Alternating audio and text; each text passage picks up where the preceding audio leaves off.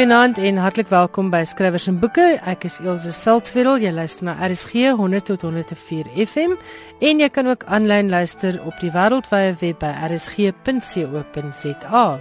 Soos jy nou al weet, is vandag nasionale erfenisdag en sal die manne onder ons sê dis nasionale braaidag. Maar vanaand in Skrywers en Boeke praat ons oor twee wonderlike boeke wat ek dink verskillende kante van dieselfde muntstuk belig. Die een is Simon Bruinders se debuutroman Die Sideboard en in die tweede helfte van die program luister ons na Gerrit Olivier en ek gaan met hom praat oor sy bundel sketse Kersfees op Wonderfontein. Maar eers net baie hartseer nuus. Een van die mense wat onlangs vir ons in skrywers en boeke bygedra het, Martinus Beukes, is verlede week oorlede. Martinus was 'n baie gerekende poësiekritikus en 'n poësiekenner en ons Afrikaanse letterkunde is beslis armer sonder sy bydrae.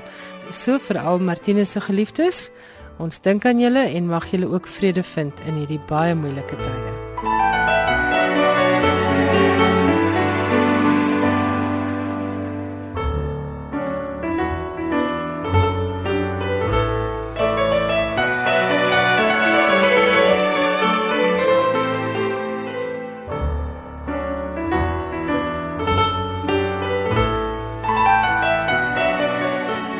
Dan net 'n herinnering hierdie Vrydag en Saterdag is dit tyd vir die Josie Book Fair. Dit is die 6ste keer dat hierdie boekefees plaasvind. Dit word gehou by die Ellis Park kampus van die Central Johannesburg College in Doringfontein. Die tema van vanjaar se fees is Reading the Word and the World: The Role of Book Clubs en toegang is gratis.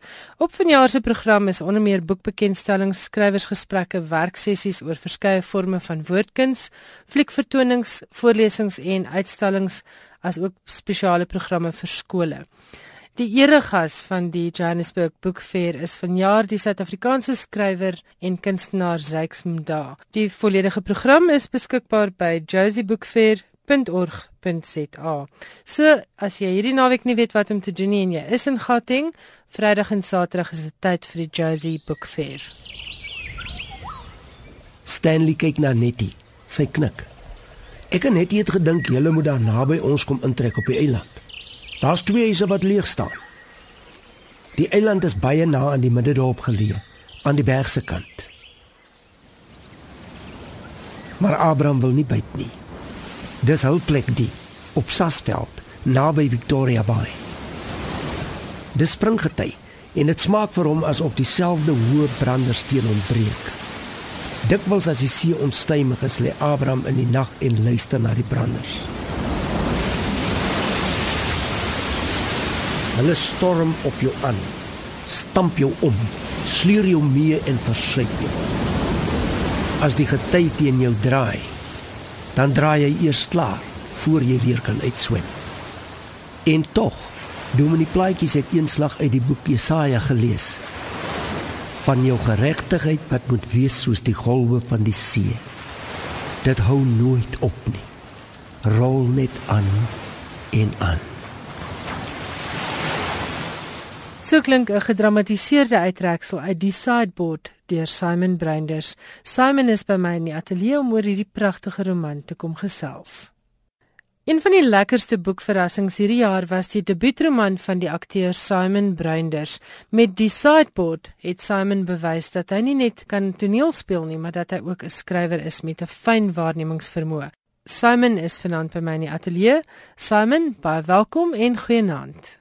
Baie dankie en goeienaand. Vertel ons van die boek want wat vir my interessant was is die verskillende temas wat jy aanraak wat eintlik so baie ooreenkomste het met laat ons dit nou maar sê met met wit geskiedenis. Ons hoor net nie hierdie stories nie. So ek wil vir jou sê baie dankie dat jy die moed gehad het om hierdie storie te vertel van hierdie familie en hierdie stryd om 'n eie grondjie wat selfs tot 'n oorlog gelei het. Die drie hoofkaraktergroepe, sal as ek dit so stel, is uh, die hoofkarakter is Abraham en hy en sy ma kom uit die Khoi groep uit. Die vermenging kom ook daarin want sy ma was getroud met 'n wit man.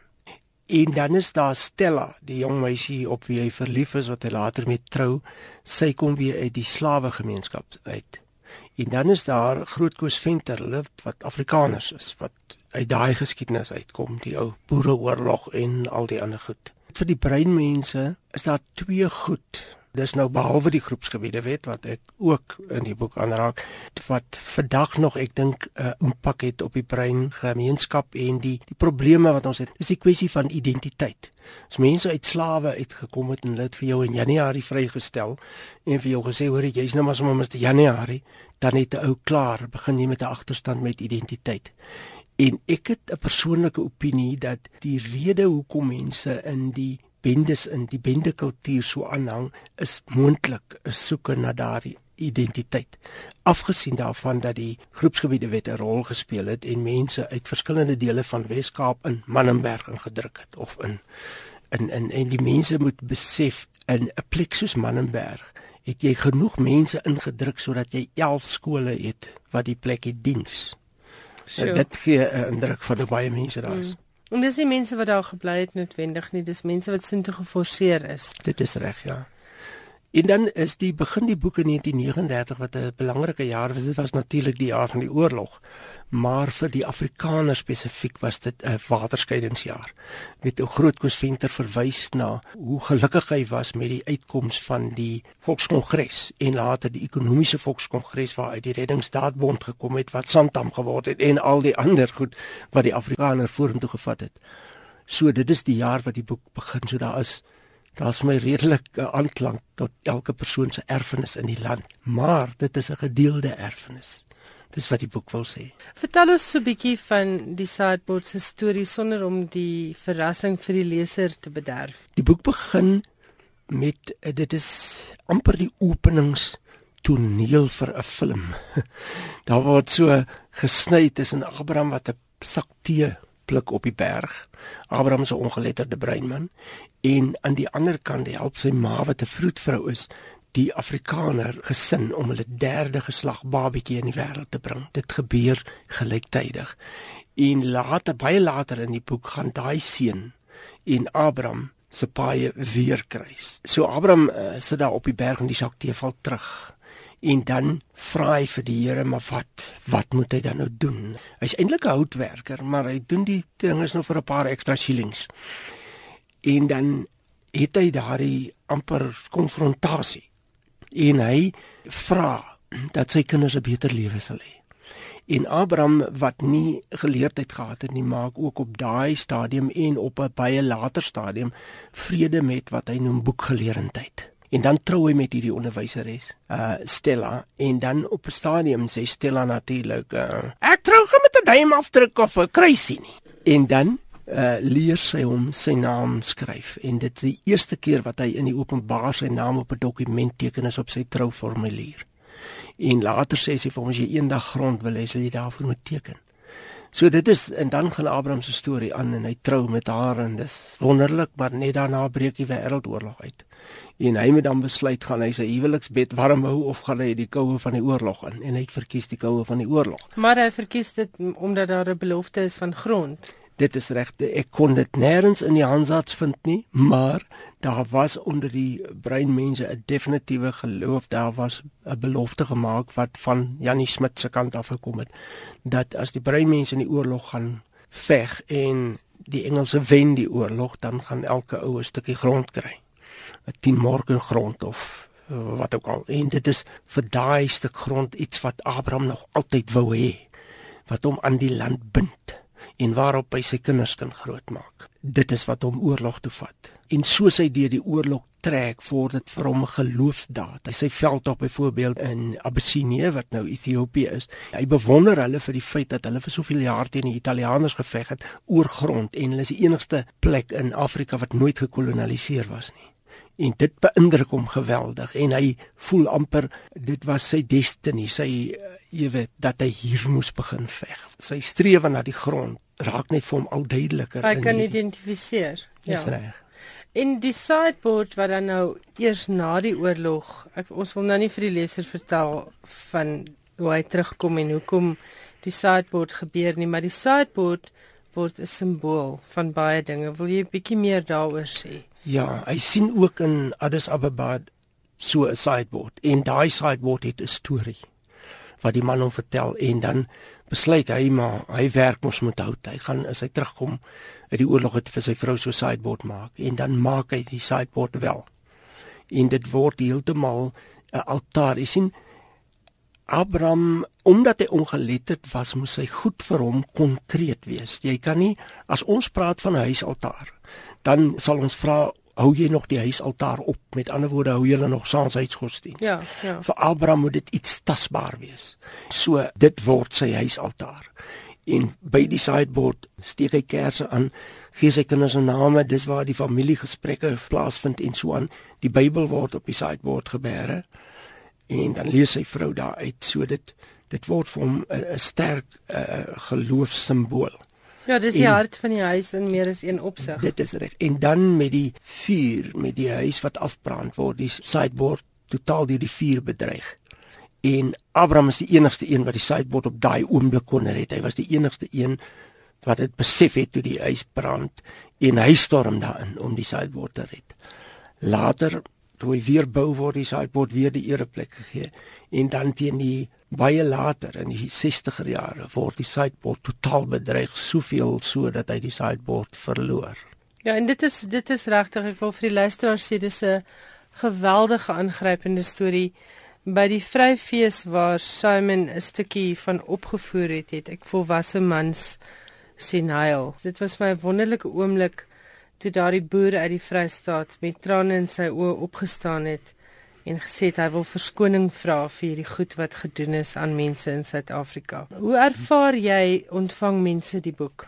Ongelooflik goed. Toe ek die boek geskryf het, baie van die goed was was dit was moeilike goed en dan wonder jy, jy weet jou leser is Afrikaanse leser en die meeste kopers van boeke is wit Afrikaanssprekende mense.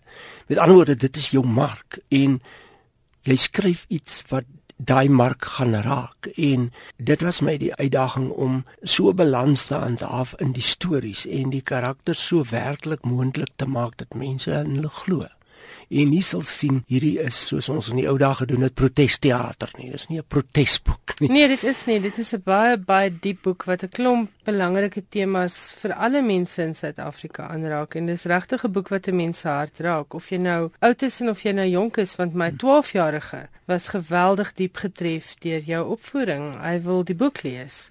Ek dink jy het 'n baie wye mark getref met jou boek. Kan ons praat oor gebruike in die boek? Oor die raakpunte tussen wit en bruin Afrikaanssprekendes, want ek dink baie keer dink mense, weet jy, ons is dan verskriklik anders as hulle. Maar ons het op dieselfde manier groot geword. Ons het op dieselfde manier kos gemaak. Ons daar soveel soveel raakpunte. Kan ons 'n bietjie daaroor praat? Ja.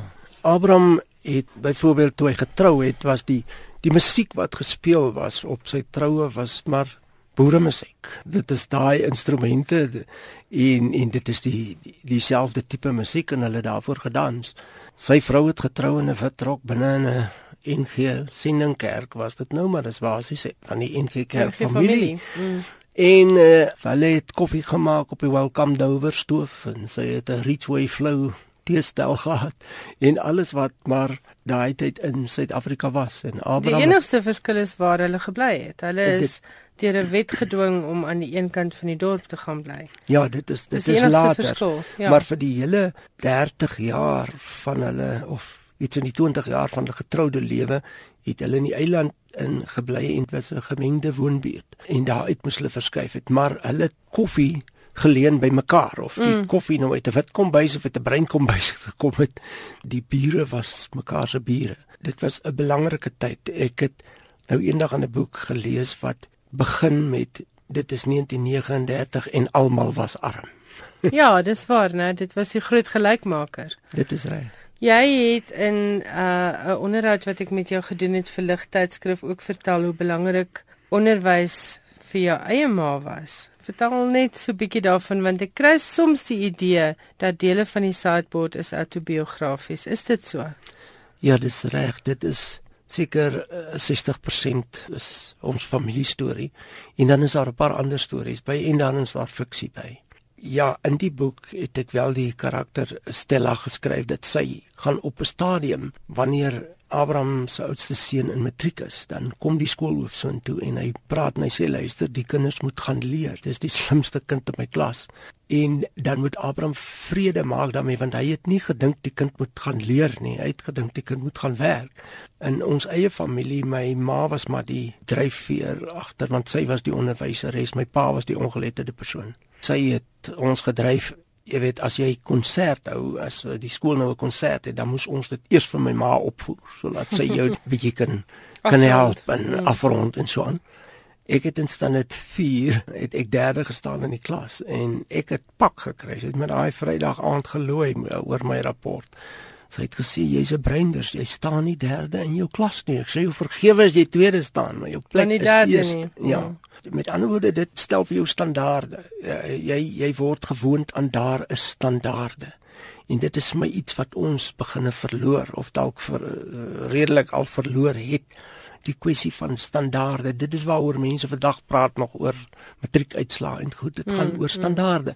Wanneer jy in die werksituasie beland, dan gaan dit oor standaarde. Ek het destyds met my eerste film en broer Mati, ek moes uh, eh, by die standaard wat wit akteurs soos Kobus Rousseau hulle gestel het, Marius Weyers, Sandra Prinsloo, moes ek probeer om by daai standaard uitkom al het ek nie die agtergrond gehad en van 'n blootstelling en die, en die, en die die in die nodige opleiding mm. gehad nie. Al was Abraham ongeletterd en alles wat hy gedoen het, het hy 'n standaard gehad.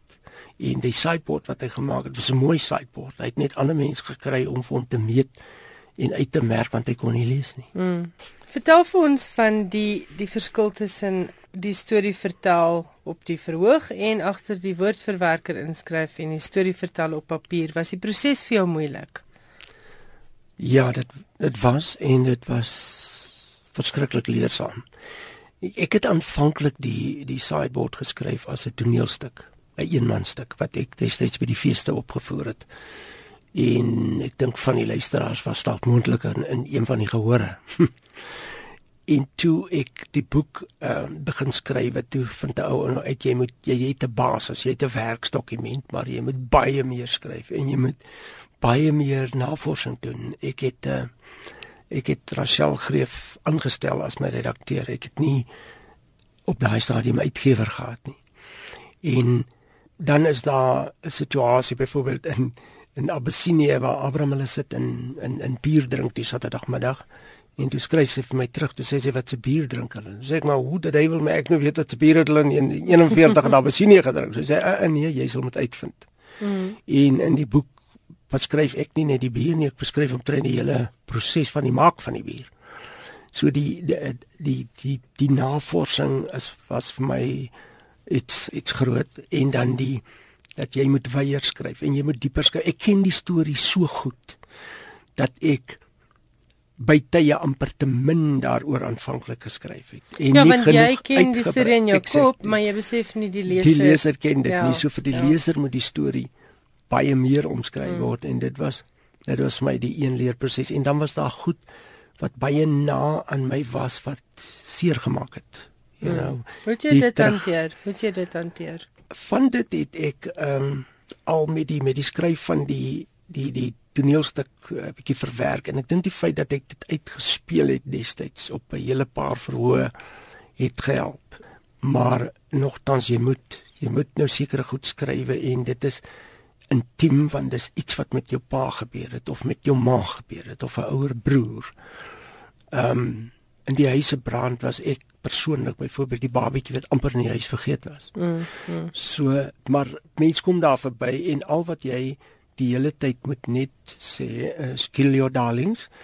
O ja, reël nommer 1 en reël nommer 1000, nee. Ja, dis en dan ook hou die balans skryf met integriteit. Jy moenie jou emosies daarin skryf nie, jy moet die storie daarin skryf. En jy moet ook nie met 'n agenda so 'n boek aanpak nie, nee. Dis reg, dis reg. Simon nou is daar jy dit lyk nou asof hierdie ding vol sirkel gaan kom en weer gaan eindig as 'n verhoogstuk. Maar jy het dit nou as 'n as 'n eenman vertoning gehad, gaan dit nou 'n volledige verhoogstuk met ander spelers word of hoe lyk die planne vorentoe? Ja, ek en Albert Marits werk op hierdie stadium aan daardie moontlikheid om die waarheid te sê wil ons baie vroeg in die nuwe jaar 'n musiekblyspel uitbring oor die sideboard Die sideboard gaan deur vir 'n paar dekades. Daar's die 40s, die 50s met hulle eie musiek. Toe kom die 60s met 'n totaal nuwe musiek.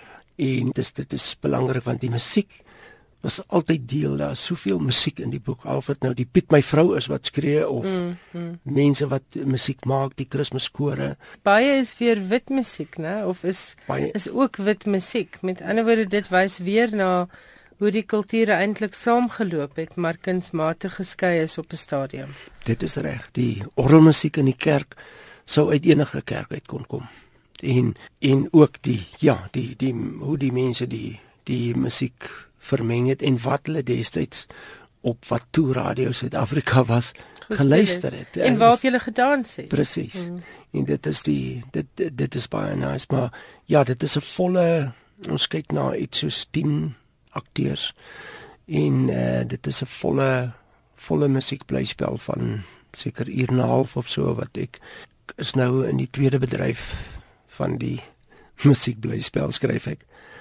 En uh, Albert sal die regie doen en vroeg in die nuwe jaar kan die mense die die die die ding gaan kyk en ek dink dit gaan baie interessante goed uit die storie uitvertel maar ook op 'n wyeer 'n groter manier is wat ek dit nie een man stuk gedoen het mm, want mm. nou sit jy met 'n volle produksie en dis opwindend. Sê vir my net een ding, die jy het hom nog geskryf as 'n verhoogstuk, toe skryf jy 'n roman, nou skryf jy 'n musiekblyspel. Watter van hierdie drie genres is die lekkerste om te skryf? Kyk, die verhoogstuk was baie lekker en dit was eenvoudig. Die musiekblyspel het ander uitdagings. Jy moet op 'n bepaalde punt vra die stuk vir jou vir 'n lied. Mm. En die liedere sal dan nou nog geskryf word deur die mense wat liedjies skryf. Ja. En daar is 'n paar wat bestaande goed is en uh, en dit is dit is nou uh, vir my 'n totaal ander proses en dit is dit is opwindend dat jy jy kan letterlik sien op watter op watter stadium en die feit dat jy die die tye die die die 50s, die 60s kan inlei met musiek dat die die musiek gaan amper vir die mense 'n aanduiding gee oor hierdie se. O, hier is nou in hierdie ja. stadium. Ja, mm. ja. En dit is dis baie opwindend. En is jy lus om nog iets te skryf? Het die sideboard jou gemotiveer om weer 'n roman aan te pak? Ja, ek wil ehm um, ek het begin werk aan 'n um, aan 'n jeugroman. Ek het met ander toneelstukke wat ek vir jong mense geskryf het vir skole en so aan sien dat ek nogal ek praat nogal die taal van die van die van die jeug. En uh, ek ek sou baie graag 'n jeugroman. Hy's ook rofwerk op iemand se se geskiedenis gebaseer en maar waar mens situasies aanspreek wat spesifiek op die jong mense, die tieners en ook die tye wanneer want die ouetjie loop ook deur 'n lewe wat hy uiteindelik by Facebook en Mixit gaan uitkom. Mm. Maar dit begin 15 jaar terug toe daar niks was nie en mm. en hierdie ouetjie se ontdekking van die wêreld rondom hom en hy ontdekking in die Weskaap op die Kaapse vlakte sluit ook die ontdekking van tikken. Dit was Simon Bruinders en hy het gepraat oor die Sideboard, sy debuutroman. Die Sideboard word uitgegee deur Naledi en is beskikbaar by enige toonaangewende boekwinkel. Nou luister ons na Christel van Tonder. Sy lees vir ons voor uit Gerrit Olivier se bundel Kersfees op Wonderfontein. Die badkamer in die plaashuis is net vir gesig en voete was en tandeborsel want al die waswater moet elke dag van die fontein af aangedra word. Skuins na 4 uur op ou Kersdag sit ons maas met ons af fontein toe om behoorlik te gaan bad. Want die spruitwater waarin ons elke dag swem, is nie skoon genoeg vir die geleentheid nie. Ons trek ons swembroeke aan vir die battery en die groter kinders moet solank die kleintjies se hakskene met skuurklippies glad skuur terwyl ons maas die meisiekinders se hare was. Dan word almal van kop tot tone ingeseep, behoorlik agter die ore gewas en groot lampetbekers vol yskoue fonteinwater oor ons uitgegiet, sodat ons behoorlik snak na asem. Skoon geskrob, loop ons dan huis toe sodat ons maas en ouma kan bad. Ai Martha en ai Emily vleg elke jaar 'n takskerm van populierlatte en wilgertakke by die fontein. En dit is dan die groot mense se badkamer. Ons is nogal spyt oor die takskerm want Talla het vertel ouma het 'n baie kostuum met sulke valletjies om die broekspype. Dis dan net so lusmakertjie uit Kersfees op Wonderfontein deur Gerrit Olivier. Kristel van Tonder het vir ons 'n stukkie voorgeles uit die gelyknamige verhaal. En die ou kamp het die voorwoord geskryf vir Gerrit se bundel en hier is net so paragraaf oor wat hy in die ou kamp te sê gehad het. Hy beskryf Olivier se herinnerings as 'n soort afsluitpunt vir die goeie ou dae. Kortom, as jy Olivier lees, soos ook Alba Bouwer, rol daar voor jou verby als wat heel ver en heel skoon is. En daarvoor sê ons, 'n ouer en 'n jonger leserspubliek, hartgrondiglik dankie. En dit was Henny Oukamp, hy het die voorwoord geskryf in September 2012 en Gerrit Olivier is vanaand by ons in die ateljee. Baie geluk daarmee, maar kom ons praat 'n bietjie oor die ontstaan van die bundel. Wanneer het jy hierdie idee gekry? Weet jy, die eerste stories dateer 23 jaar gelede het ek vir Wyle Johan van Rooyen se tydskrif Tuinhuis het ek sketse geskrywe op sy versoek. Ek het 8 geskrywe en toe is die tydskrif nie meer daar nie en so ook die stimulus om gereeld elke maand 'n storie te skryf. Ja, want jy is eintlik 'n musikant, né? Nou, jy was 'n ja. professor in musiek. Ja, maar ek het al die jare 'n baie intense belangstelling in Afrikaans behou Ons het nog onderwysers gehad wat uh, roepingsbewuste mense wat 'n liefde vir die vak in ons wakker gemaak het. My pa was self 'n taalonderwyser, so ek kon nie anders as om belang te stel in boeke en in skryfwerk nie en ek het die belangstelling altyd behou. Ons moes destyds ook as deel van ons musiekstudies 'n taalkursus neem vir 2 jaar en ek het Afrikaans gekies en ek het by mense soos Elise Botha en Rena Pretorius en Appie Grewe klas gekry. So jy kon nie anders as om ja. in die skryfkuns belang te ja. stel nie. En die ander ding is ek het 'n baie unieke kindertyd gehad om op 'n sendingstasie groot te word wat gekoppel was aan 'n normaal kollege vir swart onderwysers waarin my pa verbonde was. Daar was 'n Duitse skoolhoof Hulle het hulle insette gelewer. Ons het Duitse musiek gehoor wat ons andersins nie sou geken het nie. En dan het ek altyd 'n drang gehad om iets oor daardie wêreld te skryf.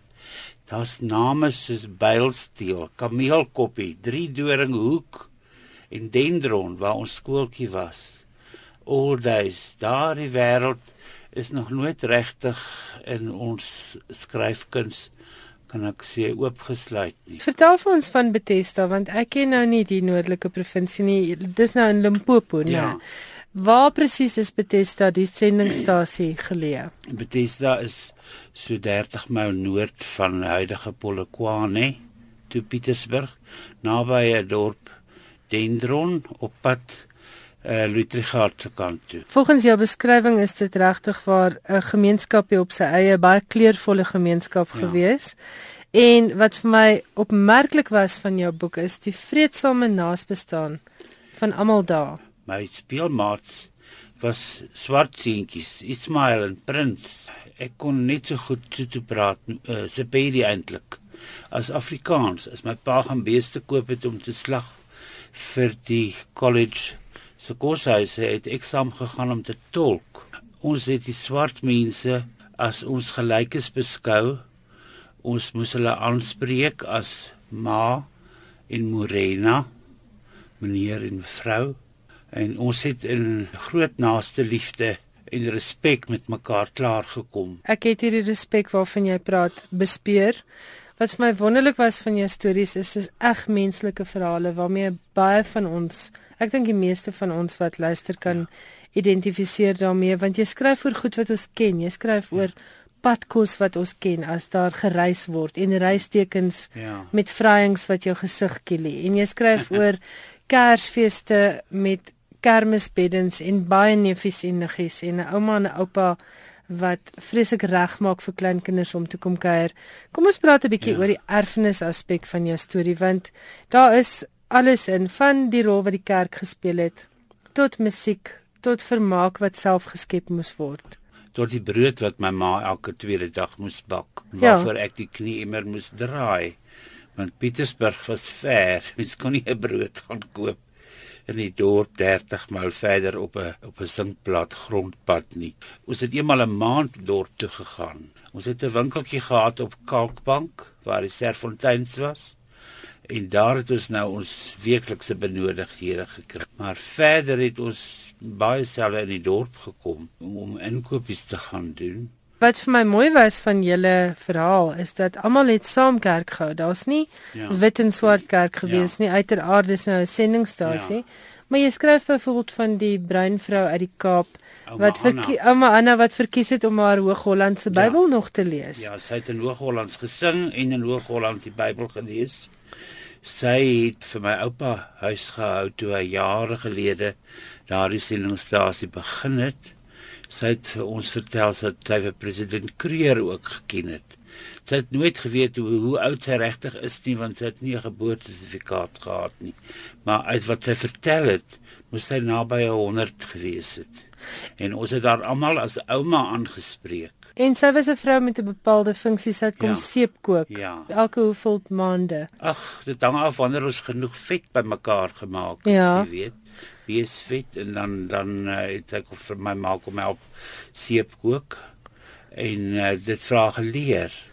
Uh, iets wat ons nou nie vandag nie meer kry nie. As ek op 'n vloeimark boerseep raakloop, dan koop ek dadelik alles wat ek kan, want daar's nie 'n ding wat vat ek so wit kry soos Sis boerseep nie. Ja, my ma het ook geglo. Ja. En jy skryf ook oor die rol van die radio en hoe die radio met 'n Ja. windkragopwekker opgewek wind- is. Windlaaier. En as dit nou nie donderstorms is tussen daar in Johannesburg nie, dan luister ons in die middag vir die klein span. So maar as daar 'n donderstorm is, dan het jy nie genoeg sein nie. Nee, dan is die ontvangs baie swak. Ja. Raas. En dan kan ons ons roep die jeug. Onthou jy dit nog nie? Dit is na jou tyd. Ek dink dit is bietjie tyd. bietjie jare voor my tyd, ja. Ons roep die jeug en uh, verder het ons wat belangrik was, ons het goeie ernstige kunsmusiek uitsendings lewend gehad. Die aandster was daar altyd op 'n donderdag aand. Dan het iemand gesing of viool gespeel lewend hier uit Johannesburg. Nie opnames wat jy kon reg dokter agterna nie. Dit was die naakte waarheid wat jy gehoor het. Maar die radio was ons groot vriend en opvoeder. As jy wou hoor hoe moet jy Afrikaans praat, dan volg jy die voorbeeld van die radio. Kom ons praat oor die vermaak, want julle moes omdat julle 'n afgeleë gemeenskap was, moes julle julle eie vermaak Ja. skep.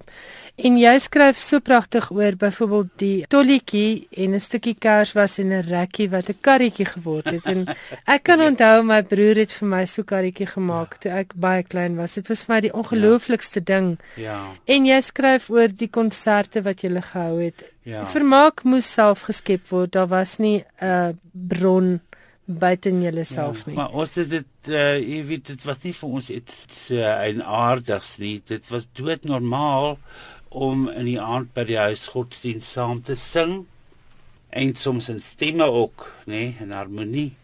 En later aan toe ons 'n klavier gekry het, het die klavier bygekom en ons sing uit die FAK en my pa speel op sy trekklavier en as ons bymekaar kom met vriende of familie dan word daar gesing en musiek gemaak. Ons kon nie knoppies druk nie, ons moes die musiek maak. Die psalme met ons boere danse op Dendron. Wonderlik, tot laat nag het ons gedans. Daar was 'n viool en 'n konsertina en my pa se trekklavier en ons het baie lekker klaar geklo gekom met die musiek wat ons self maak. Die ander musiek het om die kerk gedraai. Ja. Daar was 'n kerkkoor wat my pa afgerig het. En elke Sondag het die mense gesing. Dan was daar die skool met die konserte en die toneelopvoerings en die debatsaande. Ek dink nie ons seker goed soos tikkie aande en seker goed, né? Ons was nooit verveeld nie. Ek En- onthou die swaarste tyd was met die met die polio epidemie, kinderverlamming. Toe was alle byeenkomste van meer dink ek as 10 mense verbode. Om nou die om verspreiding die hiervan te keer. verspreiding te keer, ja. En toe eh, was dit nou 'n bietjie van 'n droogte. Wat ons moes by die huis bly. Die Kersboom is afgestel. Dit wat nou op die sendingstasie gehou is, Nee, né? nee, op Dendron. Die sendingstasie het um, amper 'n lewe van sy eie gehad. Daar was nooit enige spanning nie. Dit was net vir my snaaks toe ek nou skool toe gaan dat Ismail nie kon saamgaan nie. Ek kon dit nie verstaan nie. En het jy toe nou na toe jy nou van die sendingstasie in die beskermde omgewing daar wegkom, was die wêreld vir jou vreemd? Ja, ek moet jou sê ek het vreeslik swaar aangepas in die koshuis en uiteindelik het my ma my daar uitgeneem. En al die Bethesda kinders toe heen en weer gery, het beurte gemaak elke dag dien rond toe. Ja. Want ons het nie klaar gekom in die koshuis nie. Dit dien dat daar al reeds arts was wat ons mishandel het nie, maar dit was net nie daardie samesyn wat waaraan ons gewoond was nie. Kom ons praat oor kos want kos is 'n baie belangrike Ja. deel van ons erfenis en 'n Ja. groot deel van ons Afrikaanse kultuur en kos gaan oor kleurgrense heen want die die kos waarvan ons waarvan jy hier skryf is Ja. kos wat net sowel in 'n breinhuishouding Ja. aangetref kon word. Jy het gesê jou Ja. pa het eenmal 'n week Ja. twee beeste geslag. Die vleis is, was dan bedoel vir die koshuise waar al die swart studente tuis gegaan het, maar Ja. ook vir die inwoners, die personeel wat op Bethesda gewoon het. Daar was altyd so 'n 'n boekie wat rondgegaan het en dan het elkeen opgeskryf wat hy nou wil hê. En dan het uh, is dit nou by die huise afgelewer. En ons het ons deel ook dan geneem. Die karkasse is al die dak opgehang in die, in die motorhuis aan 'n hak en dan is hulle eers in stukke gesny en dan het elke koshuis met hulle skottels gekom en hulle vleis kom haal. Een groot ding wat ons moet noem, daar was nie elektrisiteit nie. Ons het later eers 'n paraffieniskas gekry. So mens moes mooi werk met dinge wat verkoel moes word in daai vroeë dae omdat uh, dat dit nie met bederf nie. En baie goed is seker ingelê. Baie goed is ingelê. So ek dink ons het redelik gou-gou 'n paraffieniskas gekry. Dit is daarom kon roomys maak. Dit was een van ons groot groot lekkersnye Sondag. Was tuisgemaakte roomys. Ja, en weet jy wat ons eet nou hoendervleis vir elke bakketel. Destyds was hoendervleis 'n lekkersny en iets baie spesiaals. Ek onthou dit ook so en Maar- af en toe op 'n Sondag het jy hoender gekry. En kyk daai hoender moet nie om die lewe gebring word nie. Al daai duisende veertjies moes ook uitgepluk word. So dit was 'n groot werk voor die hoender uiteindelik in die oond kom. En julle kinders het aan al hierdie goed meegehelp Ja. en julle moes basies ook iets van alles leer. My pa het ons geleer. Daarvoor is ek baie dankbaar. Ons toe ons uit die huis uit gaan kon ons alles doen. Van kos maak tot kouse stop en knope aanwerk tot 'n uh, bobotie aan mekaar sit of 'n breedie te maak of in elk geval om 'n broodemmer uh, te draai met deeg te knie. My ma en pa het ons alles geleer. Ons het bediendes gehad in die huis, maar hulle het byvoorbeeld nooit ons beddens opgemaak Dit moes julle self doen. ons skoene skoon gemaak Mm. mm. ons moes dit self Wat ook opmerklik was is die die gemeenskapslewe van Bethesda ja en die familielewens. Jy jy skryf in die titelverhaal van die van die bundel Kersfees op Wonderfontein beskryf jy dit ook baie goed hoe die familie moeite gedoen het om eenmal 'n jaar bymekaar te kom. Kom ons praat oor die familielewe in die hoeksteen wat dit gevorm het Ja, en die oké. gemeenskapslewe. ja kyk ons oupas en oumas was baie belangrik in ons lewens ons moes elke week vir hulle skryf netjies se briewe skryf my oupa en ouma Olivier het dikwels by ons kom kuier want hulle het op Sibedela gewoon En hulle was ook dan nou in die sending Um, um, my oupa was self hy daai sendingstasie begin. So hulle het baie sterk in ons lewens figureer, maar ouma en oupa Vrystaat het ons een keer 'n jaar gaan besoek, gewoonlik oor Kersfees het ons plaas toe gegaan. jy beskryf haar reis Ja. so mooi en dit was 'n uittog. Dit was Ja, dit was 'n ekspedisie. Kyk, ons het in die nag gery. Daar was nie lugverkoeling in die karre destyds nie. So ons het gery in, in die nag. En dan dan eh, as jy weer wakker word, dan is jy in 'n vreemde wêreld waar daar's nie 'n boom nie. En jy kom na die bosveld en nou nou tussen die kale plat Vrystaat. My pa het altyd gesê, "Ag toe maar wat die mense is so gaaf." ja, dit moet opmaak vir die landskap. ja. En Ja. en in jou skets is daar dis my vreeslik mooi hoe jou sussie se muis wat geboorte geskenk het moet saampikkel op hierdie een spesifieke reis en hoe al die muise dan ontsnap Die en meise ontsnap en daar by Frankfurt moet ons stil langs die pad en die bikinis hond vashou en dit lyk soos ek geskryf het soos wasdag by die fontein op Wonderfontein. Al die klere moet uitgepak en uitgeskit word om 'n meisie te vind. het die meisie weer die tog terug aangepak? Nee, ek nee, dink hulle het hulle seker soetjies weggemaak op die plaas, né? Nee. Op Wonderfontein het een van daai werfkatte hulle in die hande gekry. Want my oupa was nie vriende met muise nie. Ek kan ook nie dink dat ek ses baba muise op vakansie sou neem nie. Jou ma was 'n beter mens as ek gewees. Gerrit praat met groot deernis van die samehorigheidsgevoel onder die gemeenskap van Bethesda.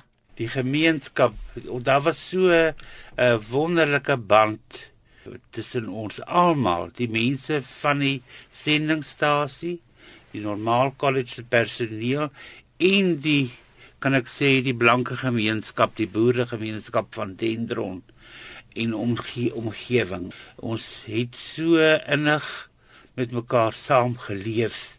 Kyk, almal was arm. Ons het almal mekaar se klere gedra.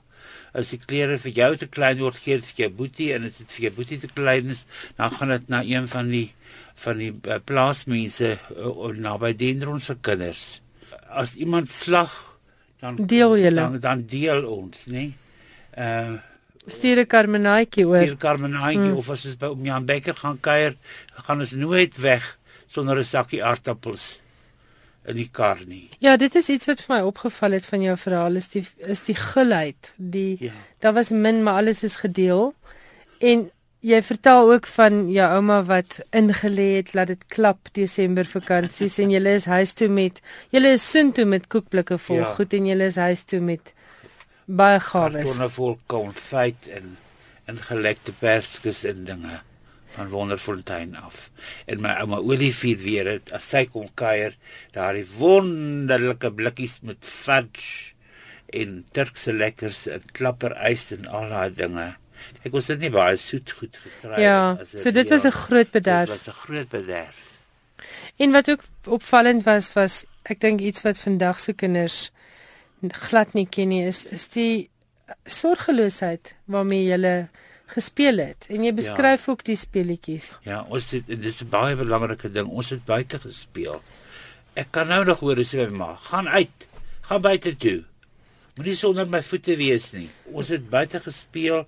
My ma het ons uit die oggend gesien uitgaan en ons vanaand weer teruggekom. Dit was die hele dag in die veld. Kruisbessies geëet en en uh ek moet bely soms uh, tortelduwe geskiet en gebraai. Was 'n seensding. Ek ja, dink is dit seens het dit gedoen en uh voel ertjies bymekaar gemaak vir die natuurstudie klas. Ja. Ek onthou nog in den, nou in ons klas in Dendron was daar so 'n groot plat glaskaste met al wat 'n voeleier is tot dink dinkie. Ek meen dit is 'n bietjie skaars groter as as 'n dis is 'n drywekorreltjie. Ja. Tot tartaal eiers en wat ook al word gaatjies ingemaak en uitgeblaas en dit gaan op die uitstalling. Maar ons het buite groot geword. Dit het nie baie gereën natuurlik mm, in daai mm. wêreld nie. Maar uh dit was 'n sorgelose lewe en ek is bevoorreg om nou nog in kontak te wees met uh van my speelmaats van daai tyd. En ons stem stem almal saam. Dit was 'n unieke jy kan amper sê 'n Kanaans land. Gerrit, ek wil vir jou gelukwens met hierdie bundel. Ek kan dit hoog aanbeveel by enigiemand wat lief is vir Afrikaans. Ja. En die ou kamp skryf tereg in sy voorwoord dat hierdie 'n belangrike bydrae is en dat dit ook baie aan ander stories en storievertellers uit ons letterkunde herinner. Ja. En ek dink hierdie gaan 'n wonderlike Kersgeskenk maak. Dit is na die tyd van die jaar waar ons begin ja. dink aan Kersgeskenke, veral vir ouer mense, maar ek wil nie hierdie boek beperk tot ouer mense nie. Nee. Ek dink dis 'n boek wat alle Afrikaanse mense moet lees van enige kultuur want hier's soveel raakpunte tussen die verskillende dele van die Afrikaanse kultuur in hierdie boek. Baie dankie en dankie vir die voorreg om hier by jou te kon wees en oor my boekie te kon praat. En so klink Gerrit Olivier. Ons het gepraat oor sy heerlike bundel sketse Kersfees op Wonderfontein. Dit word uitgegee deur Roslyn Uitgewers en is beskikbaar by toonaangewende boekwinkels. Maar as jy sukkel, stuur 'n e-pos na Roslyn E. Ek spel dit R O S S L Y N E by lantic.net. Roslyn E by lantic.net. Hulle telefoonnommer is 012 654 0471. En soos ek gesê het, dit is 'n heerlike Kersgeskenk hierdie vir ouer en jonger lesers. Ek het die lyntekeninge geniet. Dit het baie herinner aan die lyntekeninge wat 'n mens in Alba Bouwer se verhale gekry het. En toe lees ek dat die persoon wat hier geteken het was inderdaad een van die laaste studente van Katrin Harris wat verantwoordelik was vir die sketse in Rivierplaas en Bergplaas van Alba Bouwer. My komplimente dus ook aan Ella Lou Omera vir haar pragtige sketse in Kersfees op Wonderfontein. So hierdie is 'n heerlike geskenk wat ek veral vandag op Erfenisdag hartlik kan aanbeveel. Die boek verkoop vir R120. Dis ongelukkig alwaarvoor ons dan nou vandag op Erfenisdag tyd het. Ek hoop jy die program geniet en ek hoop ook dat hierdie program en die stories wat daarin vertel is kan dien as 'n riglyn vir versoening. Ons het so baie gemeen in Suid-Afrika onderling tussen die verskillende kulture. Ons moet net soms daaraan herinner word. As jy 'n e e-pos wil stuur, dit is skrywers en boeke by rsg.co.za en as jy 'n SMS wil stuur, ons SMS nommer is 3343 en elke SMS kos R1.50. Ek is Elsje Salzwetel. Bly ingeskakel vir die res van vanaand se musiekprogramme en ek is volgende Woensdag aan terug. Wanneer dit al die eerste Woensdag van Oktober is, glo dit of nie. Tot dan, lekker slaap en lekker luister na RSG hier op 100 tot 104 FM.